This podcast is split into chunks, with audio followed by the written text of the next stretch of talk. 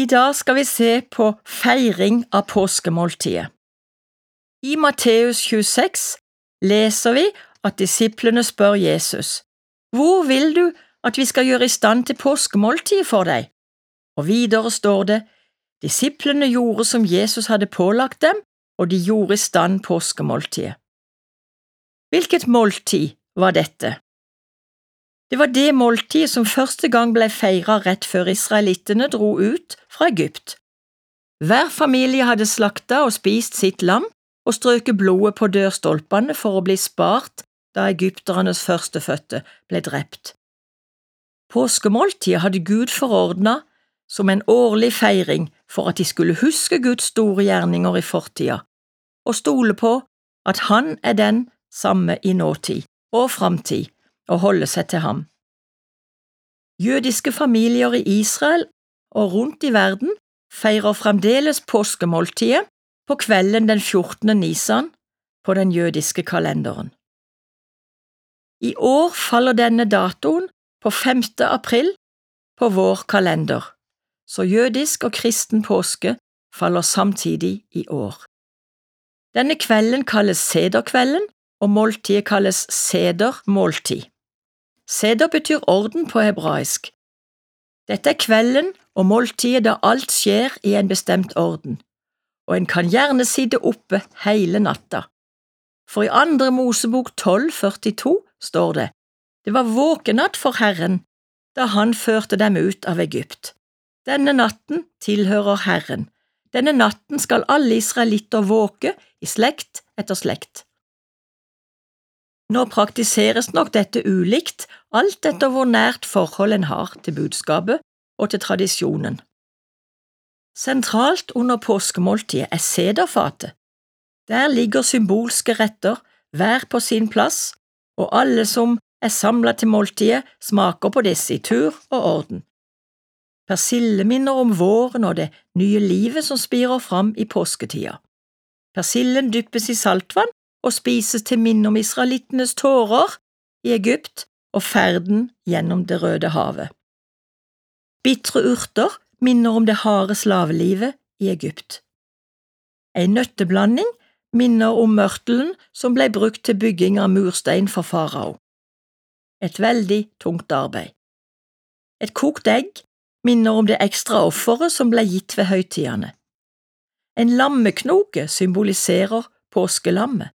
Her er det ikke alltid noe å smake på, men eh, en kan for eksempel ha lammesteik eller lammegryte som hovedrett. Det usyra brødet, som altså ikke er heva, det er òg viktig på sederkvelden. I sju dager framover, fra sederkvelden, så skal de bare spise dette. Det skal ikke i det hele tatt finnes noe heva brød i huset i denne perioden, som òg blir kalt i Bibelen de usyrede brøds høytid. Derfor må huset rengjøres grundig før Pesar, sånn at ikke det finnes en eneste smule i noen krok. Dette er fordi israelittene ikke fikk tid til å heve brøddeigen da de brått måtte dra ut fra Egypt. Sedermåltidet rammes inn av fire glass vin. Det er livets beger, frihetens beger, velsignelsens beger og håpets beger. Disse drikkes på faste steder i denne, skal vi kalle det liturgien, som kalles Haggadah, fortellinga om utgangen fra Egypt. Det tredje begeret fikk en ny betydning under Jesu og disiplenes siste påskemåltid. Da var det bare noen timer til Jesus skulle gi sitt liv og sitt blod til redning fra syndens slaveri og ta på seg skylda for disiplenes, det jødiske folks og menneskehetens synd. Jesus skal sjøl bli det siste og endegyldige offeret for synd. Han innstifter nattverden idet han bryter brødet, gir disiplene og sier Dette er min kropp, og byr de velsignelsens beger og sier Dette er mitt blod, paktens blod, som blir utøst for mange.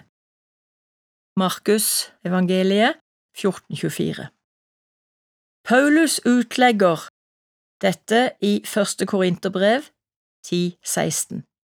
Velsignelsens beger som vi velsigner, gir det ikke del i Kristi blod? brød som vi bryter, gir det ikke del i Kristi kropp? Nattverden gir del i Jesu forsoning når den tas imot i tro. Ved Jesu lidelse, død og oppstandelse har Gud oppfylt løftene om en ny pakt, som er hjertets pakt med Gud ved troen på Jesus. Jeg legger min lov i deres sinn og skriver den i deres hjerte. Jeg skal være deres Gud, og de skal være mitt folk. Det profeterte Jeremia, og det står i det 31. kapittelet i denne profetboka. La oss be. Kjære Gud, vi ber i dag spesielt for det jødiske folk som i kveld feirer frelsen fra slaveriet i Egypt. Vi ber om at du rører ved hjertene deres, så de ser at de trenger den frelsen du ordna da Jesus ga sitt liv og blod og sona for synderne på korset. Vi ber om at du møter de, at du viser de at du er deres Messias og deres endegyldige offerlam. I Jesu navn. Amen. Du har nå hørt en andakt i serien Over en åpen bibel, og andaktsholder var Ellen Raen. Serien produseres av Norea Mediemisjon. Følg oss gjerne på Facebook og Instagram. Da får du flere ganger i veka oppdatert informasjon om det arbeidet som vi driver.